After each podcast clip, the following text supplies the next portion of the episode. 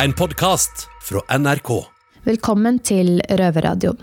Mitt navn er Martine Rand. Jeg er ikke innsatt, men ansatt som redaktør i Røverradioen. Vanligvis skulle det vært en røver som snakka til det her.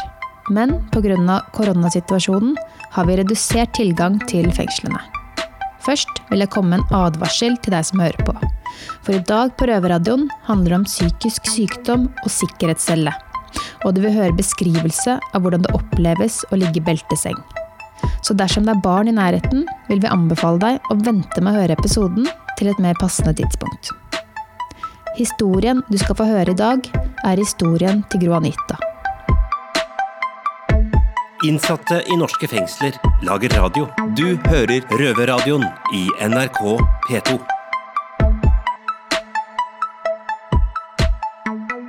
Gro Anita Flaen Sakstad er i starten av 30-årene. Hun er energisk og smilende.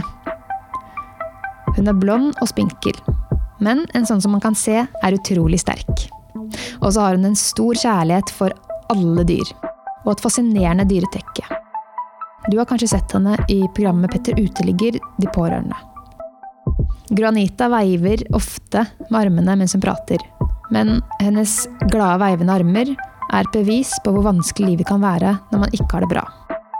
Arrene som dekker armene, er så mange at de ligger oppå hverandre, og har gjort huden til et ruglete mønster. Gro Anita har slitt med psykisk sykdom i mange år.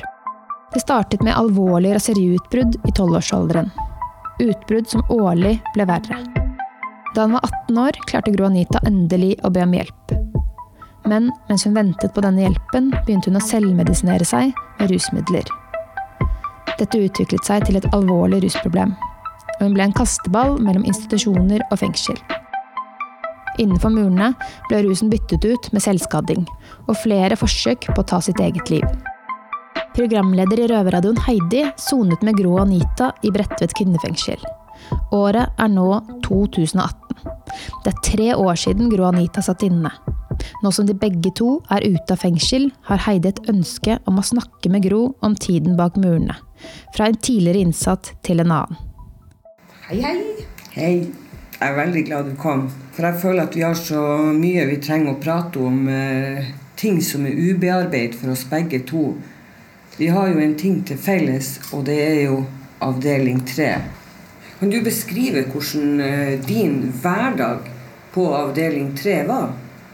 En helt vanlig hverdag da var jo egentlig mest mulig inne på cella.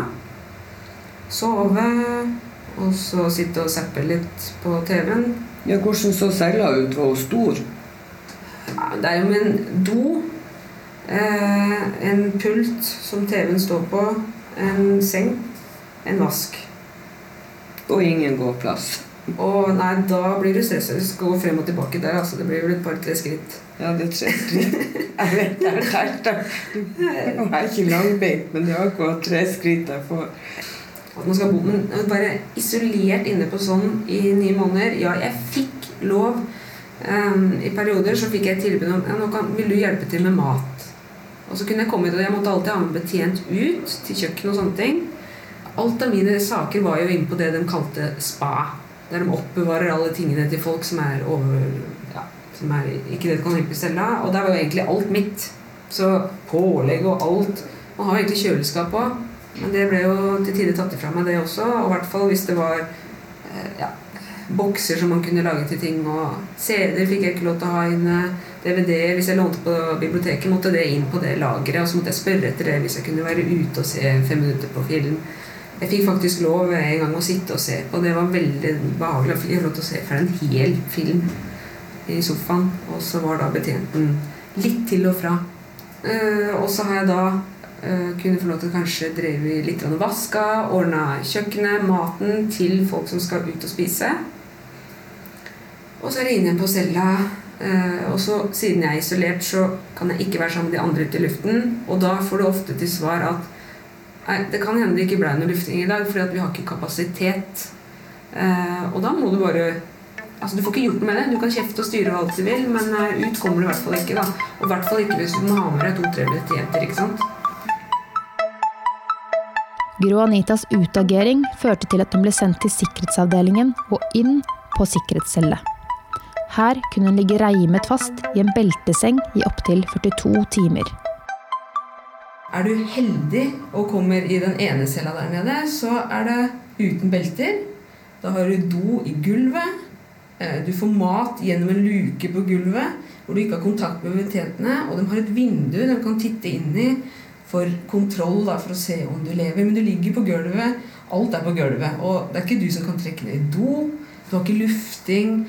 Eh, ja, altså Der skal du bare være, om du er der fra én dag eller om du er der fem dager. Altså Når du ligger i belter, så må du tisse i et bekken. Mens noen holder det. Det, altså det, det er så nedverdigende. Og når det kommer menn og kvinner altså Herregud, skal jeg ligge, ligge og pisse eh, i et bekken mens en mann står og holder det? Ikke faen! Så jeg holdt meg, og jeg sa at da holder jeg meg til jeg både blir gul i øya og eh, alt, altså. For det, det der Kan jeg bare få lov til å gå på den doen?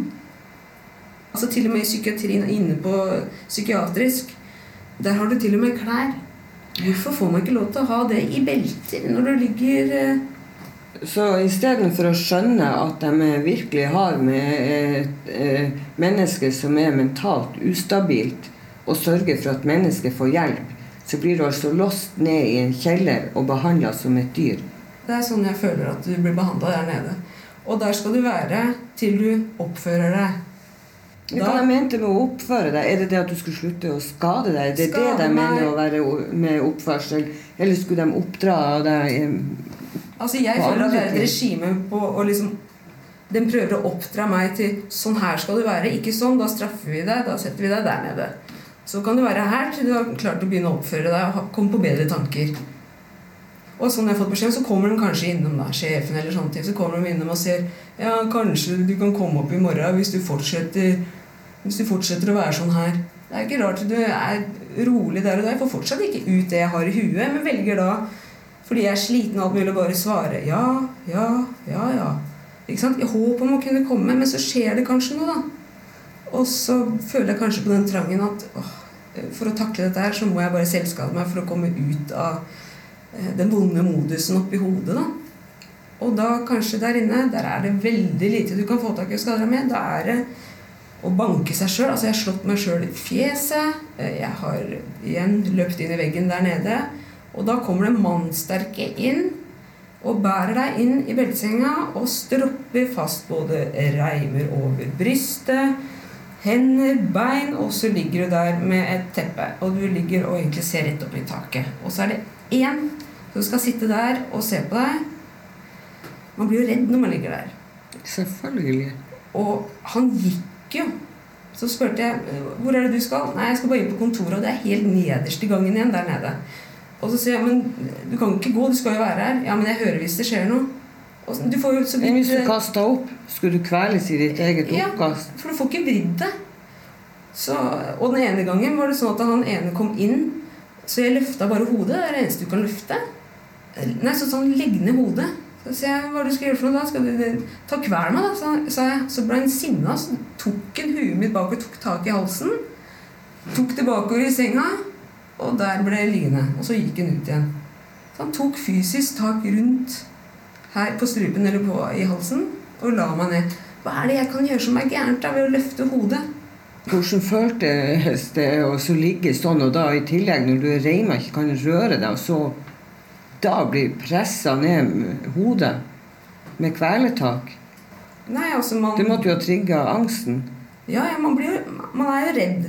Og det er min måte altså det, Sånn som jeg reagerte på han, det er jo Du har jo flere eh, typer i forhold til eh, om man blir eh, passivisert i angsten, eller om man får litt sånn frykt, aggresjon altså, Jeg er jo en som på en måte står i det, selv om jeg på en måte veit at jeg kan tape. da Så jeg flykter jo ikke, der får man ikke flykte heller, men flykter ikke i gåsetegn eh, med halen mellom beina. Så jeg fighter jo det jeg kan. Men ja, jeg har ligget mye der aleine og grinet i beltesenga. Jeg har sett ting som beveger seg.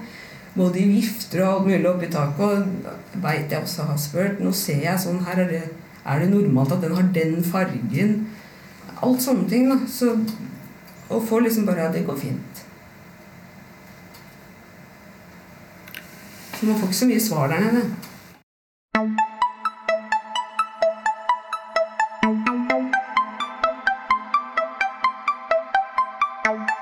Gro Anitas behandling på Bredtvet i perioden 2013 til 2015 gjorde at hun kort tid etter praten med røver Heidi tok kontakt med Advokatforeningens isolasjonsgruppe. Isolasjonsgruppen er en samling av advokater fra respektive firmaer som sammen jobber med saker som omhandler feil isolasjonsbruk i fengsel. Gruppen er ledet av Bendik Falk Koslung. Isolasjonsgruppen eh, har som formål å prøve lovligheten av isolasjon for eh, domstolene. Eh, vi mener at det skjer mye ulovlig og menneskerettsstridig isolasjon i norske fengsler. Min mening, når jeg snakker for meg selv, er at isolasjon generelt så er det antagelig det mest den mest alvorlige menneskerettighetssituasjonen da, i, i, Norge, og har vært det lenge. Vi bruker isolasjon i mye større grad enn det våre naboland gjør. Eh, mye større grad enn nesten alle andre land det er naturlig å sammenligne seg med. Jeg så akkurat statistikk. Eh, I 2018 av de som har vært varetektsfengslet i Norge, så er eh, 11% har vært da underlagt eh, fullstendig isolasjon i varetektsperioden. Mens tilsvarende tall i Danmark er under 1 Eh, og det er veldig lett å ty til isolasjon. Er, jeg mener at det er en slags eh, en norsk dårlig vane. Eh, er, man har alltid gjort det, og det er en lettvint løsning. Og i, i fengslene så tror jeg det har blitt mye verre pga. mindre ressurser. Men samtidig har det vært noe man har gjort lenge, og, som, og det har vært et, et tiltak som har vært altfor lett å ty til.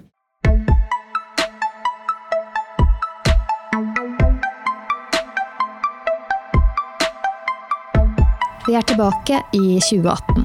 Moren til Gro Anita, Tove, er også med på praten med Heidi. Hun har sittet stille i bakgrunnen og hørt på datteren fortelle. Tove er en liten dame med brunt hår og store øyne. Hun er utdannet psykiatrisk sykepleier og har hele veien forsøkt å hjelpe datteren. Det å ha et barn i fengsel er alltid utfordrende. Men hvordan er det når du vet at datteren din er syk, og du føler at hun ikke får tilstrekkelig hjelp? Hvordan opplevde du møtet med Bredtvet fengsel? Nei, det er eh, første gangen Granita kom inn. Det er alltid trist å få at dattera di kommer i fengsel. Og skummelt. Og føler jo det at det er, viktig, veldig viktig åssen vi blir møtt, ikke sant? Sånn her i forhold til det. Og Granita da var hun inne og ble, ble møtt på en ålreit måte den gangen. Og kom over på, ganske fort på B2. Og vi, der ble vi òg møtt, og, og, jeg sa til dem òg at det, nå er det viktig å jobbe innenfra og ut, sånn at det kanskje hun kommer seg ut av dette her nå. Men da fikk vi jo beskjed om at det egentlig var for kort soning den gangen der, da. Men så etter hvert så kom jeg jo ut igjen og, og, har vært inne flere ganger. Og så er det noe Den tristeste tida er nå når det har blitt de ni månedene satt uh, satt isolert fordi at da var hun så sjukest syk når hun kom inn. Hun ble jo sjukere og sjukere på de ni månedene. Og vi vi eh, prøvde jo. Vi ringte og ringte og ringte, for vi var kjemperedde for henne. Vi fikk prate med hver tirsdag. Da hadde hun 20 minutter ringing til oss. Og vi var hos henne én time hver torsdag, både Svein og jeg. Eh, vi reiste inn, hadde den besøkstida fast hele tida. Og, og, det er så store endringer ifra når Gro Anita var friskere når hun var i fengsel, og til denne gangen når hun var så sjuk. Vi følte at eh, Nå ble vi på en måte Vi følte at vi maste altfor mye. Vi ringte, og, og da tok de Og ville de ofte ikke prate med oss, da. Fordi at, ville ikke prate med dere? Nei, fordi at uh, vi følte at, uh, at vi på en måte maste altfor mye, da. Fordi at uh, Vi ble jo redde, fordi at når vi prata med hun og vi så henne på torsdag, så så mm. vi at Granita bare ble sjukere og sjukere. Hun ble veldig tynn, bleik, og, vel, og hun noen ganger så orka faktisk ikke å sitte og besøke ut sammen med oss. da fordi at det var så dårlig. Var helt, en, når vi kom der, Jeg var så redd den gangen. Hun, hun var helt skjev i ansiktet og blå. Og jeg, bare, jeg vet jeg spurte og så sa jeg, hva er det som har skjedd med deg? Jeg var jo livredd for at det var noe som hadde skjedd inni der. Men Gronita sa sjøl at denne, jeg har banka jeg, har, jeg prøver, jeg har det så vondt. Jeg, jeg prøver å flytte smertene mine. Jeg greier ikke. Jeg blir, er så isolert. Jeg ser ting på cella. Og jeg blir isolert hele tida fordi at jeg skader meg sjøl, og da får jeg ikke lov til å være sammen med de andre. Og, mm, og når jeg da også sier til dem jeg kommer ut av at nå er jeg kjempebekymra, dere må gjøre noe, så sier de bare ja, det er vi òg, sa de. Men uh, så ble det på en måte ikke noe mer ut av det. Og så Det hjalp jo veldig at de sa at de også ble, var Ja, det gjorde oss så utrygge at jeg ble kjemperedd. Vet du hva, Både Svein og jeg vi, vi prata om det, vi var jo så redde. Vet du hva, at jeg, Mange ganger så kjøler jeg utafor fengselet om kvelden bare for å se. Jeg tenkte der, der hadde hun celle. Kunne jeg se. Det var kjempeskummelt. Og jeg følte at eh, Nei, vi var kjempeutrygge. Isolasjonsgruppen velger å ta Gro Anitas sak til retten. De vurderer at denne saken er spesielt alvorlig. Hun har vært utsatt for eh, omfattende isolasjon i ulike perioder. Da. I, mellom 2013 og 2015 eh, så har hun vært litt ut og inn av, av Bredtvet. Hun har vært utsatt for eh, lange perioder med isolasjon og eh, sikkerhetscelle eh, og beltelegging. Og, og saken er eh, etter norske forhold, etter min oppfatning, særdeles stygg eh, i forhold til det hun er, eh, har vært utsatt for. I tillegg så er det en god del personer som rammes av tilsvarende isolasjon som hun har vært utsatt for. Eh, Slik at eh, både dette med at saken er spesielt alvorlig og spesielt ille, eh, og at den har en ganske stor betydning også for, for andre, er, er viktige grunner. At vi tenker at det er en, en god sak i forhold til å nå opp til terskelen etter da, Den europeiske menneskerettighetskonvensjonens artikkel 3. En bestemmelse som forbyr nedverdigende og umenneskelig behandling, i tillegg til tortur. Meg bekjent så har Norge aldri tidligere blitt dømt for brudd på artikkel 3. Gro Anita skulle ikke vært utsatt for den behandlingen hun fikk. Hun skulle fått et helt annet tilbud.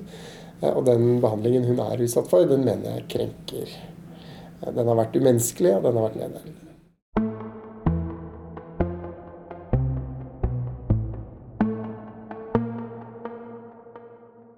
Jeg har tatt turen til Bredtvet kvinnefengsel for å snakke med nåværende fengselsleder. Jeg lurer på hva hun kan si om denne saken.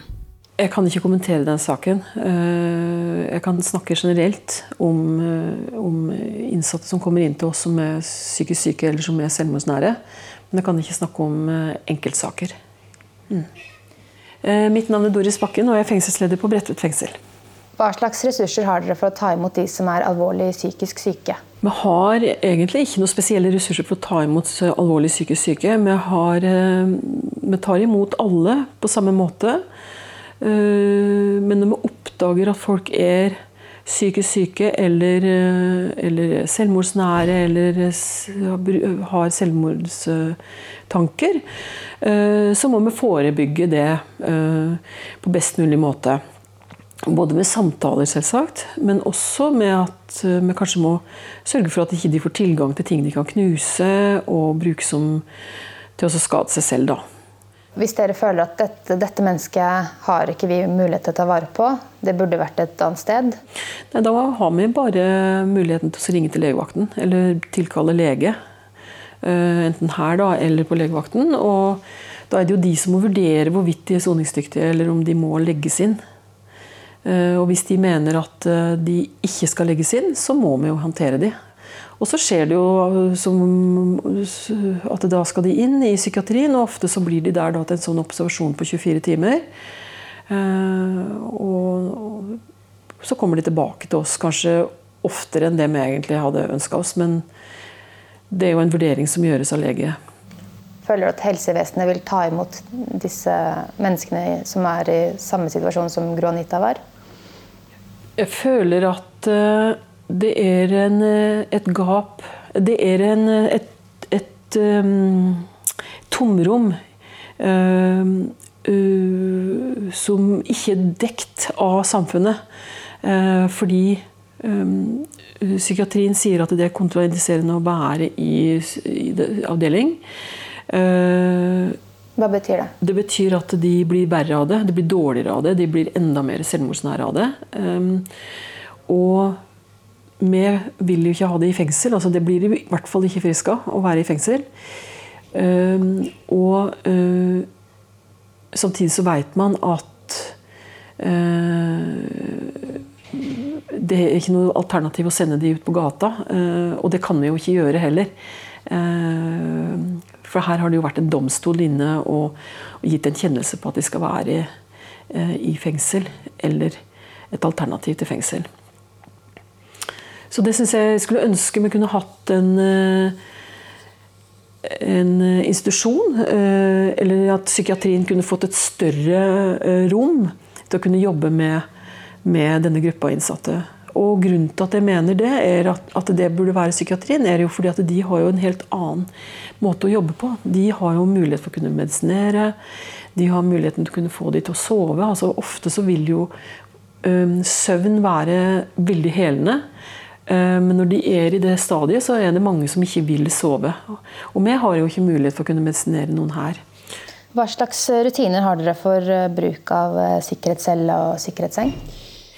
For å bruke uh, sikkerhetscelle så kan, du, så kan, du, jo bruke det både for å redde liv, men også hvis det er særlig utagerende innsatte. Uh, når det gjelder bruk av sikkerhetsseng, uh, så kan vi bare bruke det for å redde liv. Uh, Dvs. Si at de er til ekstremt fare for seg selv, og at vi ikke klarer um, å håndtere det i sikkerhetscelle. F.eks. ved at de da løper i veggen, eller at de ødelegger seg selv på en eller annen måte som, som ikke vi klarer å håndtere. Da. Og da ringer betjentene til meg, eller ikke betjentene, men førstebetjenten ringer til meg, og så snakker vi om saken. og så er det jeg som da bestemmer da hvorvidt vi skal bruke sikkerhetscelle. Og så går de ned, eh, og da kommer de ned i dette nakre rommet med en madrass. Eh, og da blir de visitert. Dvs. Si at hvis de Hvis vi tror at de vil bruke klærne til å kveles eller strangulere seg med, eller um, på et eller annet vis uh, skade seg selv med, det kan de gjøre, eh, så må vi ta klærne. Og da får de kjortel. En lang, rivesikker kjole, på en måte. Så får de pledd, som er også rivesikkert. Sånn at de kan ødelegge det og, og knytte rundt halsen. da. Ingen som ligger nakne. De blir tildekket. Mm. Altså Det som er i hvert fall viktig når de er på sikkerhetsseng, det er alltid at det er betjenter til stede. Det er alltid to i avdelingen. Eh, det er viktig å passe på eh, at de har trygghet. At det er noen der som kan snakke med dem. Eh, bare være der for dem. Og at hvis de blir syke, så må man passe på at de ikke kaster opp. For det er farlig. Og det er alltid legevakt. Og at det alltid er kvinnelige betjenter som står for visiteringen. Eh, hvis du skal på toalettet, så får du bekken. Eh, og da holdes det av kvinnelig betjent. Det er jo akkurat som når du er på sykehus. Eh, så føles ikke det noe Det føles nedverdigende uansett om du er på sykehus eller på fengsel, men kanskje enda mer fordi du er tvunget inn i en situasjon du er. Selvsagt. Og det er det selvsagt alltid kvinner som gjør. Men uh, du har jo nydelig skrevet en kronikk sammen med fengselsleder i Oslo fengsel, Nils Lail Finstad. Mm. Uh, og der sier dere at dere vil ha sikkerhetsseng ut av fengsel. Vi sier at vi ønsker ikke å ha sikkerhetsseng i fengsel, men det må komme et alternativ.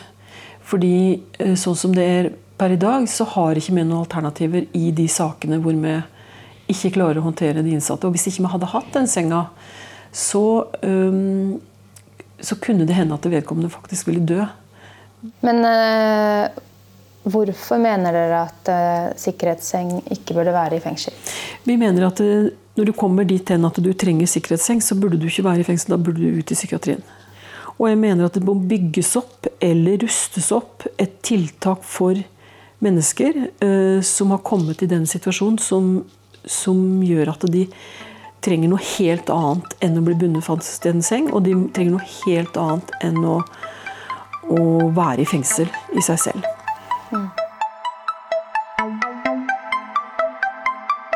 Gro Anitas sak ender aldri i rettssak. Fredag 8. mai 2020 blir saken tatt opp i et forliksmøte.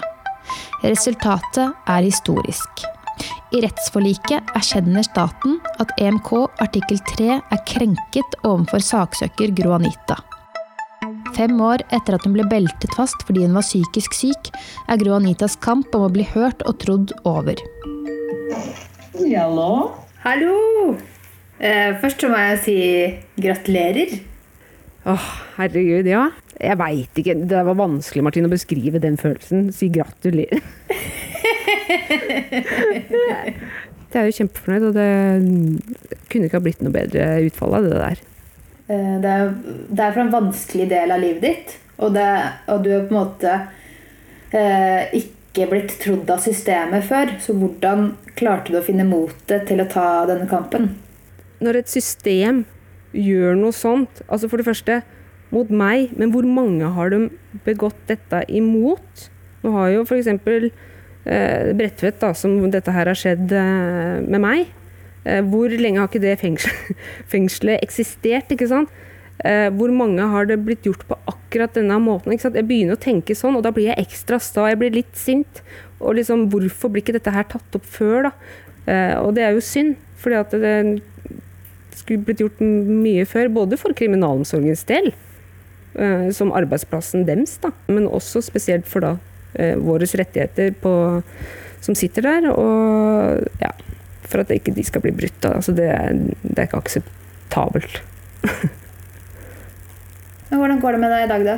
Det går mye bedre med meg i dag. Det gjør det jo. Men sliter, i forhold til psyken så sliter jeg jo. Det gjør jeg. Men du har i hvert fall holdt deg helt krimfri og sånt. Det er jo dritbra.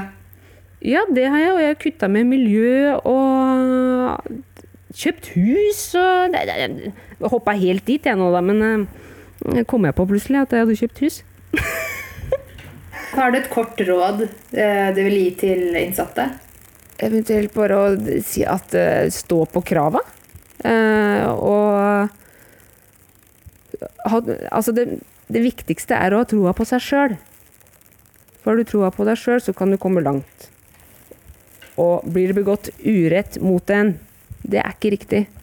Klag og stå i det. Det kommer til å ordne seg til slutt.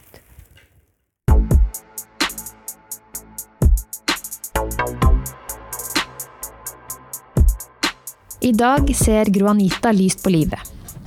I et lite brunt hus på en topp med et hytteaktig gjerde omkranset av store, grønne jorder, har Gruanita planer om å starte en liten kennel. Hun er allerede i gang med å hjelpe andre tidligere innsatte som har opplevd lignende behandling i fengsel. For mange innsatte vil hun være fengselsverdenens svar på David mot Goliat. Et eksempel på at det nytter å si fra, og et bevis på at man fortjener å bli hørt og behandlet med respekt, uansett om man er i eller utenfor fengsel.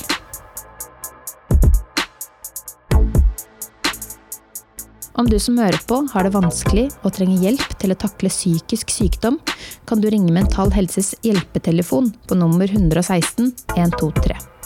Røverradioen kan du høre hver lørdag 15.30 på NRK P2, eller når og hvor du vil på podkast. Takk for nå. Røverradioen er laga for og av innsatte i norske fengsler. Tilrettelagt for streitinger av Rubicon for NRK. out, out, out.